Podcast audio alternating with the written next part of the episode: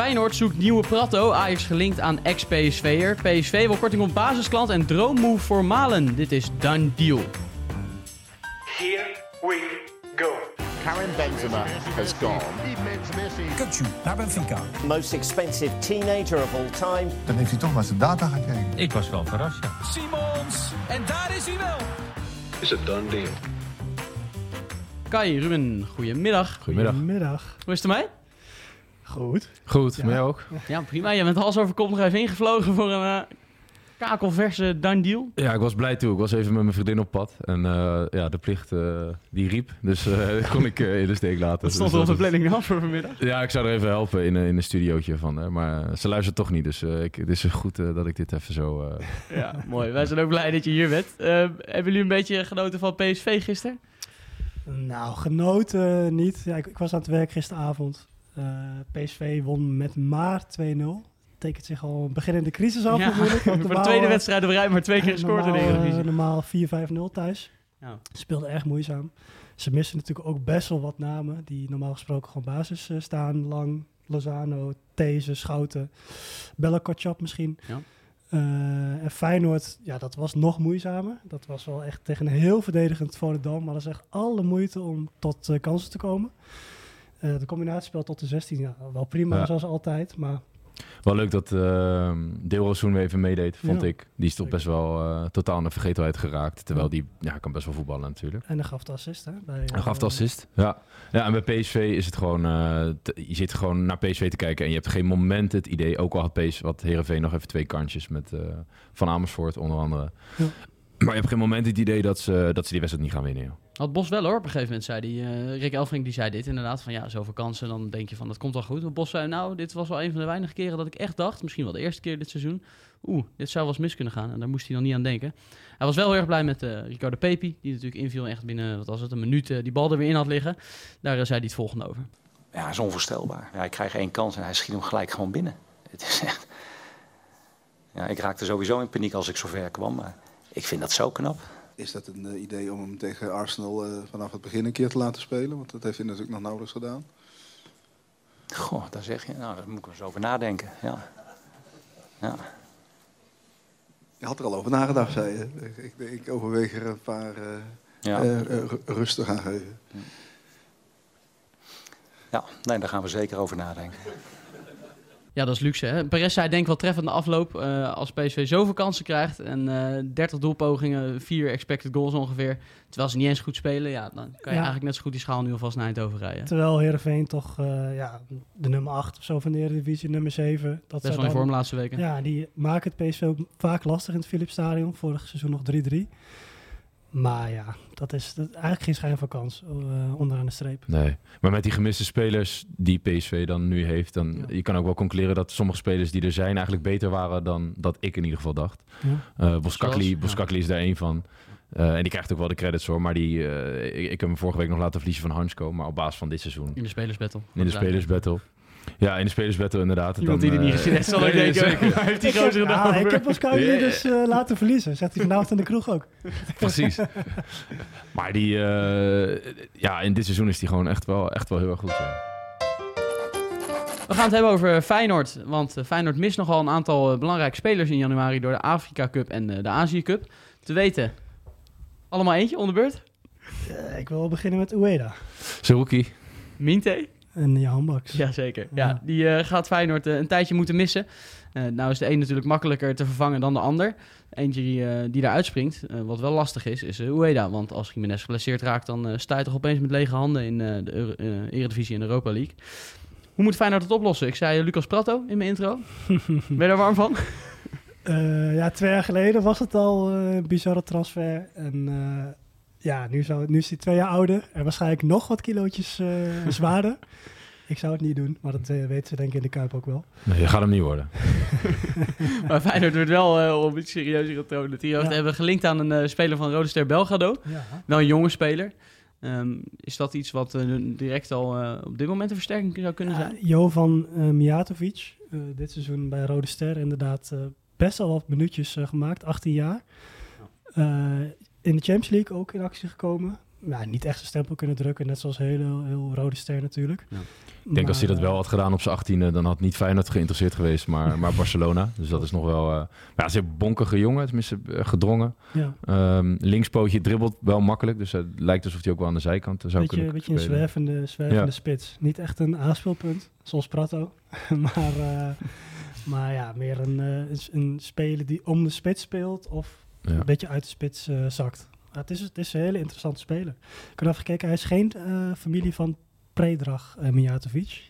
Ken je die nog? Ken je die nog? eh, Nee. De grote spits van vroeger, zeker. Ja, van. Joegoslavië. Van voor mijn tijd Eh, Real denk ik. Madrid. Dat was een geweldige spits. Ja, dat was een hele goede speler. Oké, nou, Alle, waarvan alle, achter? alle jonge kijkers zijn, eh, luisteraars, die zijn weg nu. Ja, inclusief ik. Ja. Ehm, Oké, en hebben we nog andere opties? Want we zijn het er wel over eens, je moet wel echt wat hebben, toch? Want eh, Ja, je het kan is niet een met alleen beetje- Jiménez erin. Het is een beetje de vraag of je een directe versterking gaat halen. Want ja, het is maar een maandje dat ze weg zijn in principe, maximaal. Ja. Eh, of ga je iemand halen voor de toekomst die als Jiménez weggaat, tweede spits wordt achter Ueda. Of misschien zich zo spectaculair ontwikkelt dat hij eerst spits Daardoor kan vind ik deze jongen van 18, dat Ja. zou ik nog wel begrijpen. En de jongen die er zogenaamd direct staat, vind ik dan wel lastiger. Want ja, je, inderdaad, als, als Jiménez ga je er nooit uitspelen. Ueda wordt niet nooit derde spits. Nee. En een jonge jongen halen en Jiménez misschien in de zomer verkopen. En dat de jonge jongen de tweede spits achter Ueda wordt. Dat is nog wel een logisch verhaal, denk Ja. ik. Dus ik heb ook zo zitten kijken en ik heb, ben één eh, naam tegengekomen die past in die categorie. Dat is eh, Max Moerstedt. Dat is een 17-jarige spits van Hoffenheim. Eh, dat is echt een heel erg groot talent. Ook een aanspeelpunt. Ehm, hij heeft er tien keer gescoord voor Duitsland onder 17. In iets meer dan 20 interlands. Maar dat is echt een gigantisch talent. En hou die echt in de gaten. Hij wordt één nadeel. Het wordt, wordt wel in de gaten gehouden door eh, United en Chelsea en dat soort clubs. Maar als er een moment is, dan zou het misschien nu moeten gebeuren. In de Voor, winter. eh, voor Feyenoord. Oké, mooie tip. Ja. Leuk. Ehm Krijg je een knik nee, daar komen geen suggesties meer aan. Dan eh, moet eh Scout, ik zou verraden Feyenoord het eh, hiermee doen, uh, Weekbank. Die zij ook eh, op de lijstjes hebben staan, is eh, Babadi van eh, PSV. Ja. Dat eh, is natuurlijk een bekend verhaal. Die heeft een aflopend contract. Daar zijn wel eh, al een tijdje gesprekken over eh, tussen beide partijen, maar eh, nog geen doorbraak tot dusver. En dan zou Feyenoord zich ermee willen gaan bemoeien. Het duurt wel heel lang, hè? Over 24 dagen mag hij eh, gaan praten met andere clubs en mag hij ook een voorcontract gaan tekenen. Ja, voor de duidelijkheid, dat, Dat- is eh, een half jaar voordat je contract afloopt. Ja. Ben je inderdaad vrij om eh, met andere clubs te gaan praten. Tot die tijd mag dat formeel gezien niet, maar gebeurt, Gebeurt dat natuurlijk Constant. achter de schermen stiekem natuurlijk heel veel. Precies. Ja, hij zit natuurlijk in een lastig pakket, eh, omdat hij, eh, hij begon heel goed. Natuurlijk heeft iedereen kunnen zien, de Johan Cruijffschaal was hij eh, de grote man op 18-jarige leeftijd. Alleen, ja, hij heeft Til eh, voor zich en hij heeft ehm Tilman, Sabari. Tilman en Saibari voor zich. Sabari die wel naar de Afrika Cup gaat ook. Over Ja. de Afrika Cup gesproken. Ja. Ja. Dus dat biedt dan misschien weer pot- eh, perspectief voor hem. En dat Tilman even linksbuiten hangend af en toe speelt, dat biedt dan ook weer perspectief. Ehm, Ja. Maar goed, ik, ik snap dat die jongen die wil gewoon gaan spelen. Nou denk ik ook niet dat hij dat direct bij Feyenoord zou doen als hij binnenkomt. Hoewel hij wel die mogelijkheden uiteindelijk heeft. Maar misschien dat, hij, eh, dat er eh, Timber een transfer zal maken van de zomer. En dan is hij iemand die dat misschien eh, wel enigszins vergelijkbaar is. Ja, hij heeft, zou hebben gesproken met Slot al afgelopen zomer. Zoals er volgens mij wel veel meer oriënterende gesprekken Ja. worden gevoerd tussen allerlei partijen.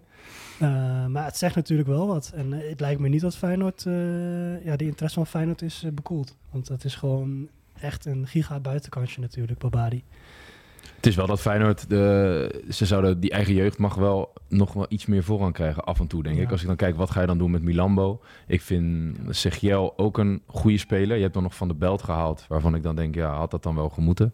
Ja. Dus dat vind ik wel eh, de kanttekening erbij. We blijven nog even bij PSV.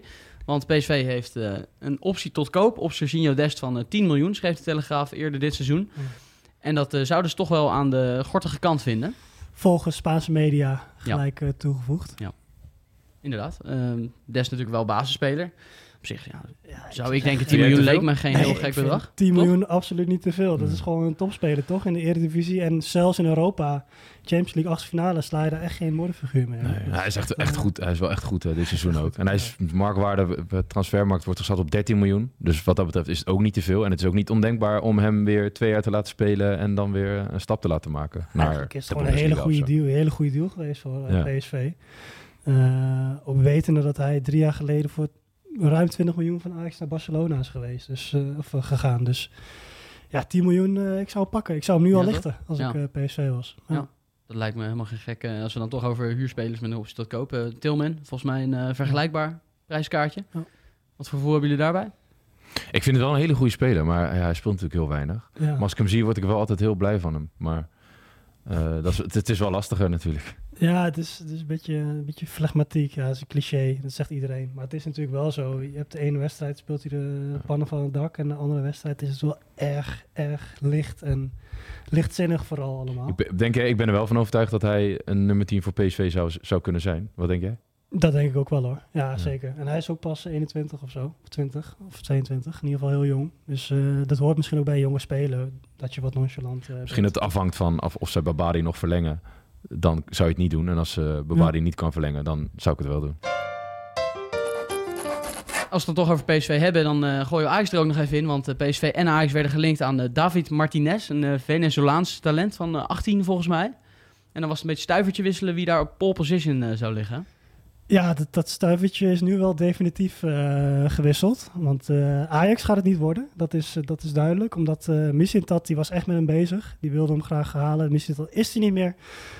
En sindsdien is die interesse ook ja, is helemaal klaar. Omdat Ajax natuurlijk is Andere bekend. prioriteiten. Ja, die hebben andere prioriteiten. Die willen een ervaren speler aantrekken. Een jongen van 17. Hij is 17 eh, gaat, gaat het niet worden. En ze willen ook in jong Ajax gaan ze niet versterken met nieuwe talenten. Eh, omdat, ja, het kan wel heel goed voetballen op de, op de beelden in ieder geval. Rechtsbuiten, Ja? linkspootje. Ja. Schiet, scoort makkelijk. Het is wel het is wel een mooie speler. Dun, heel dun, maar wel eh, elegant. Ja. En het, het ging ook wel echt om eh, miljoenen. Hè? Het is die niet zo'n jongen van 17 die uh, Ja, gratis ergens oppikt. Dat is 4 wel- miljoen werd, werd gezegd. Eh, PSV schijnt dus nog wel met hem bezig te zijn. Eh, ja, het blijft wel een goede speler volgens mij. Al, eh, Ja, als aanvoerder van het WK onder 17. En zit normaal gesproken bij onder 23 van Venezuela. En heeft ook al zijn debuut gemaakt in een oefenwedstrijdje. Tegen Guatemala, geloof ik. Dus het is logisch dat daar veel... Daar moeten we, moet je wel voor betalen, ja. En dan gaan we van eh, het bruggetje Ajax naar het volgende eh, gerucht. Want eh, zo mogen we het toch wel klassificeren. Het onvolprezen, zoals jij dat dan zou zeggen, Oda TV... heeft zich gemengd in gesprekken tussen het management van Angelino en Ajax. ja. Kan jij wederom als grote journalistiek duider vertellen hoe wij Oda TV moeten aanslaan? Ik moet zeggen... ik Turks ben, medium ik ben Oda. TV niet tegengekomen als een heel belangrijke bron van nieuws. Ook in Turkije niet. In jouw jarenlange loopbaan. Maar goed, het is natuurlijk niet voor niets. Waar rook is, is vuur. En dan gaan wij er zeker op in. en behandelen we het hier ook. Ehm, ja, Ajax zou hem willen, willen, willen halen, Angelino.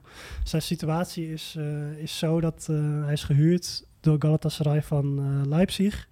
En bij de, vanaf de twintigste wedstrijd wordt zijn optie tot koop definitief. Dus dan moeten ze hem lichten.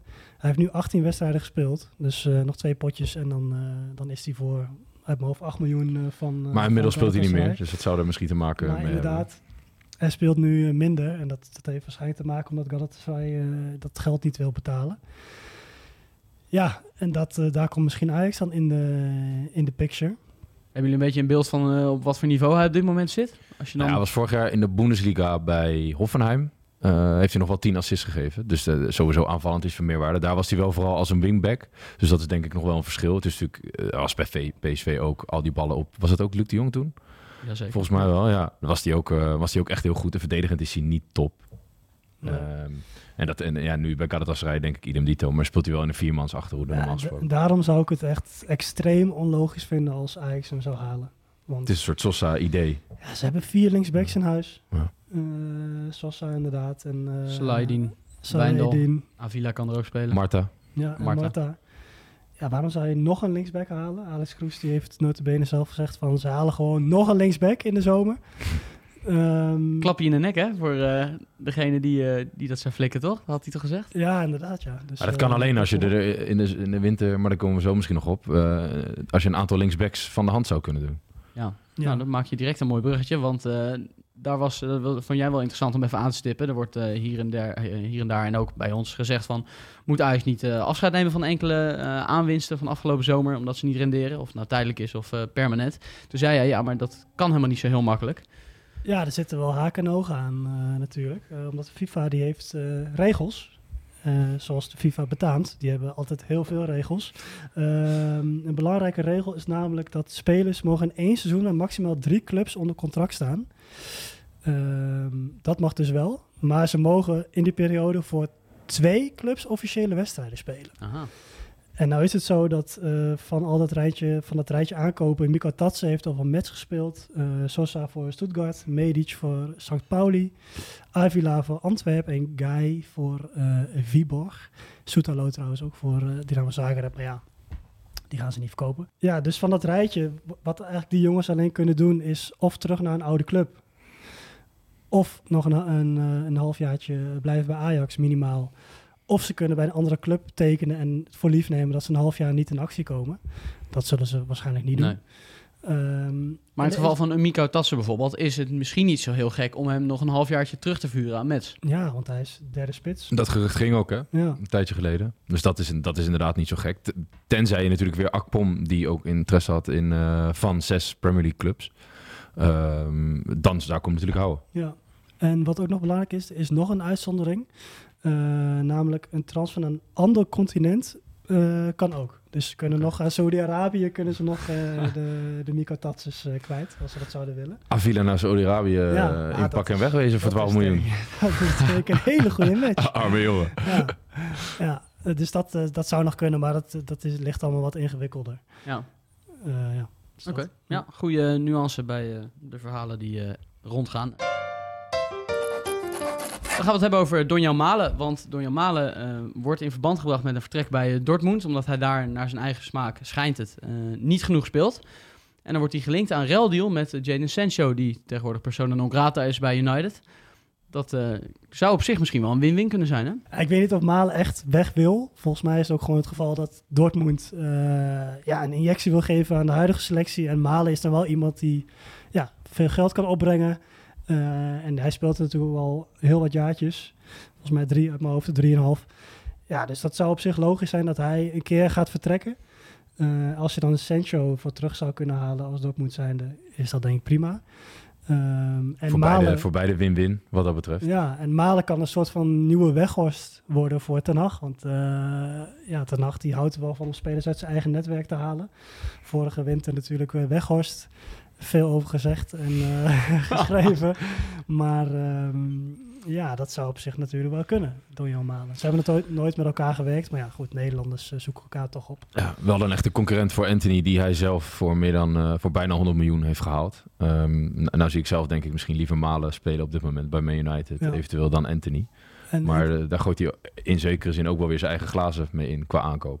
En Malen die komt na het schijnt ook liever vanaf links. Dus hij is niet Ja. blij dat hij altijd vanaf rechts eh, komt bij Dortmund.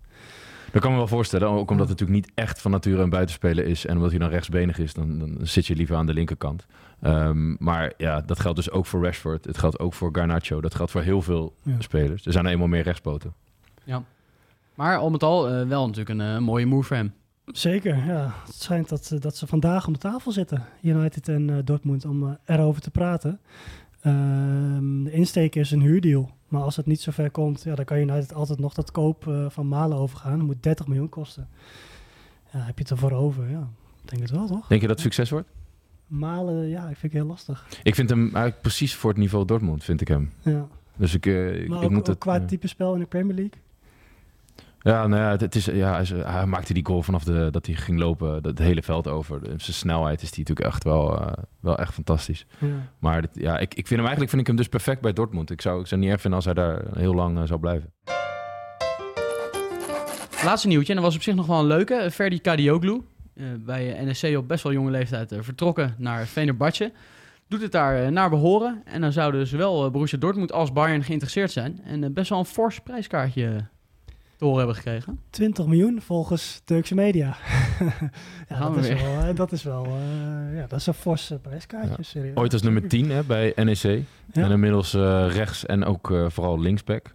Ja, rechtsbenig speler natuurlijk. Ja, wel bijzondere carrière. eh, fantastisch ontwikkeld. Ook international van Turkije. Vaste waarde daar. Nou, wel jeugd, een, jeugd eh, International van Nederland was hij. Ja. Uiteindelijk voor eh, Turkije gekozen. Zou wel een fantastische move zijn voor hem. Ja, hij heeft eh, gescoord hè, tegen Duitsland, een paar weken geleden in de Interland. Dus eh, dat zal misschien eh, Bayern en Dortmund Al hoop ik dat die scouts ook verder kijken dan alleen Ik hoop dat ze niet eh, het ene, in het ene land van eigen land. Maar eh, dat is ook goed nieuws van, eh, van NEC, hè? Want eh, die hebben een doorverkooppercentage van, nou, het schijnt 10%. Dus als je voor 20 miljoen gaat, heb je toch 2 miljoen eh, Dat heb je snel uitgerekend. in het Nijmeegse laadje. Dat is, Keurig. dat is Ja. toch lekker? Tot slot bellen we nog even met Toon Gerbrands over Marijn Beuker. Die eh, director of voetbal is bij Ajax. Ja, of directeur voetbalzaken. Weet je hoe je het eh, wil noemen. Hoe fancy het je wil maken. Ja, eh, Eh. net begonnen, hè? 1 december. Ja, eh, best wel een eh, onbekende naam in de voetbalwereld. Dus eh, we dachten, laten we eens even aan eh, Gerbrands vragen hoe eh, hij hem heeft leren kennen als eh, jonge jongen eh, bij AZ. En hem heeft zien uitgroeien tot eh, ja, uiteindelijk directeur van Ajax. Dus hij gaat daar het een en ander over vertellen. hij is ooit bij AZ begonnen.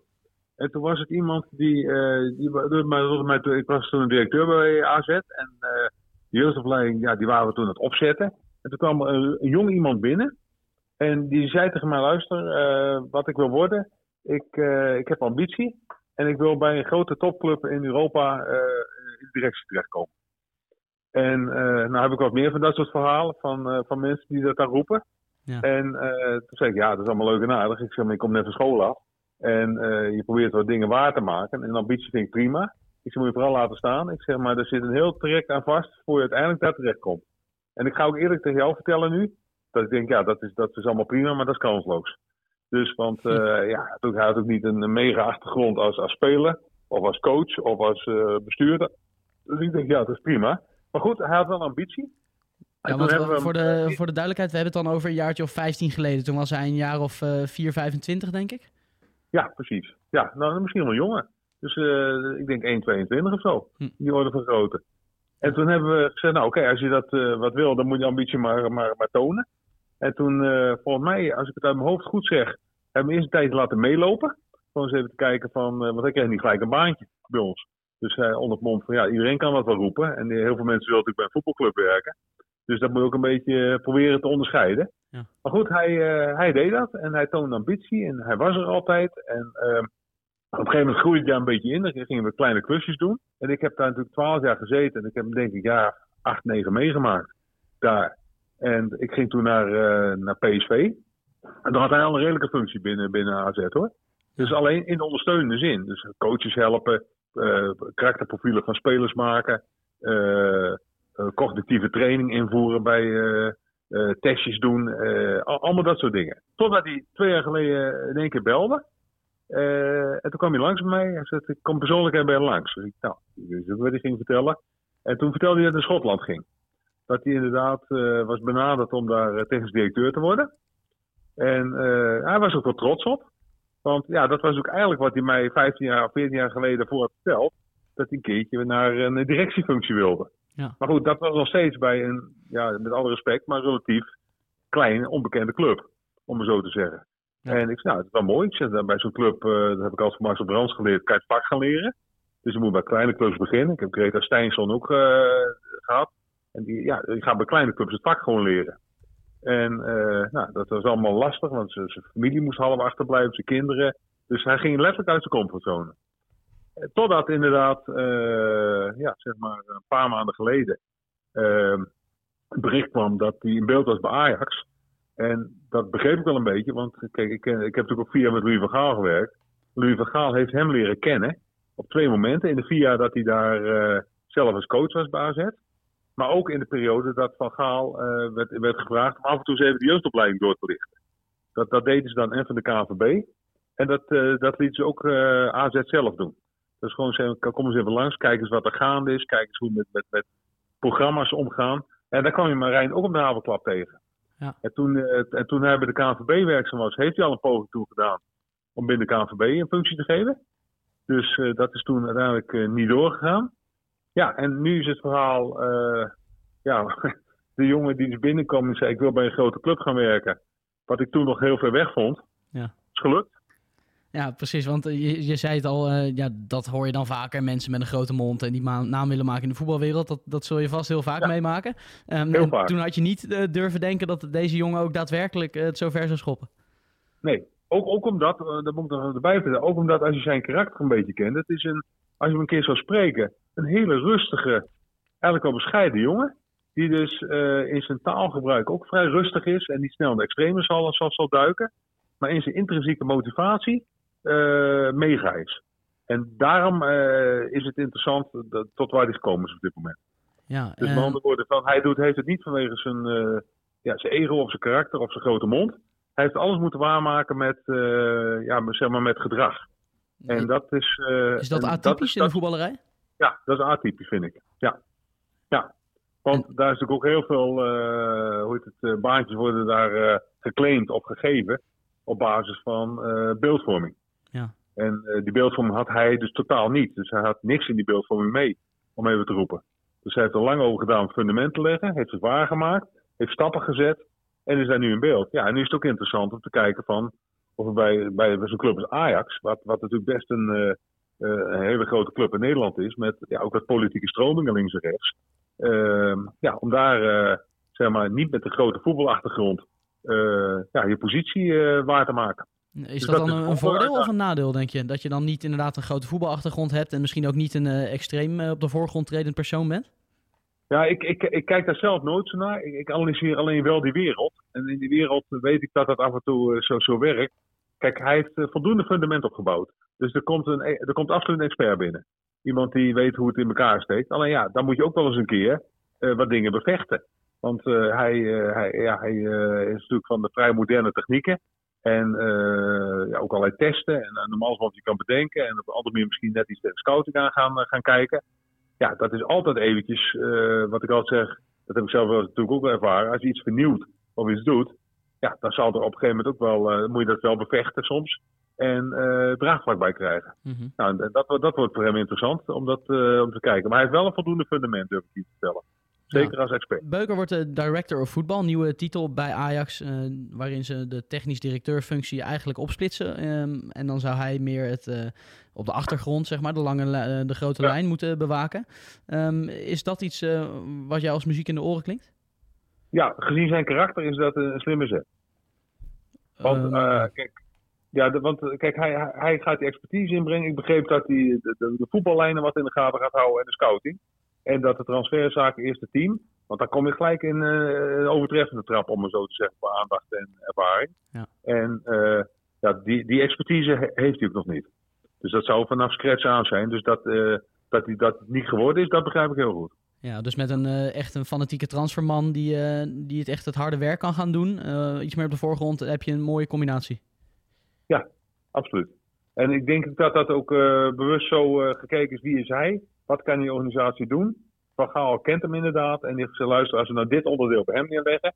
En ehm, uit de loop te houden van de eerste helft of transfers of nieuwe coaches aanstellen. Ja, dan denk ik dat dat, eh, dat, dat kan. En Ja. daar past het ook het beste bij. En dat andere, dat was eh, te hoog gegrepen. Klinkt als een, als een mooi verhaal. Het is, ja, wat we net al concludeerden, vrij atypisch dat zo'n jongen met zo'n achtergrond dan ook best wel op een langzame manier zeg maar, zich zo opwerkt. Ja, dat klopt. Nee, dus ik ben het heel benieuwd. En ik kan natuurlijk alleen maar eh, via kranten lezen, via stukjes lezen, volgen. Om te kijken hoe, dus, hoe dit eh, gaat, zich gaat ontwikkelen bij, bij Ajax. Dus ik ben echt benieuwd. Kijken of dit plafond is of dat er nog hoger is. Het is, dat een, het is wel een heel mooi verhaaltje als je ziet hoe die begonnen is en waar die nu is. En waarvan ik dacht, ja, nou veel succes. Maar hij heeft 100% zelf waargemaakt.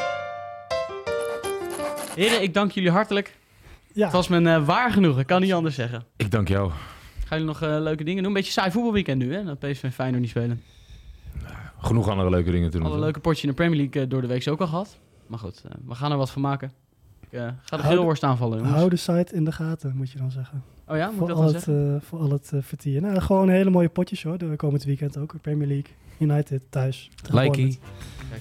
Like je ook nog? Ja. Like je erbij. Heel goed. Graafschap Kai Cambuur vanavond. Toppetje hoor. Nou, daar gaan we met z'n allen voor zitten. Hartelijk dank mannen en eh, tot volgende week. Here we go. Karim Benzema has gone.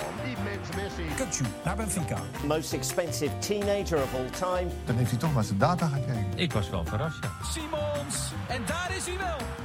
It's a done deal.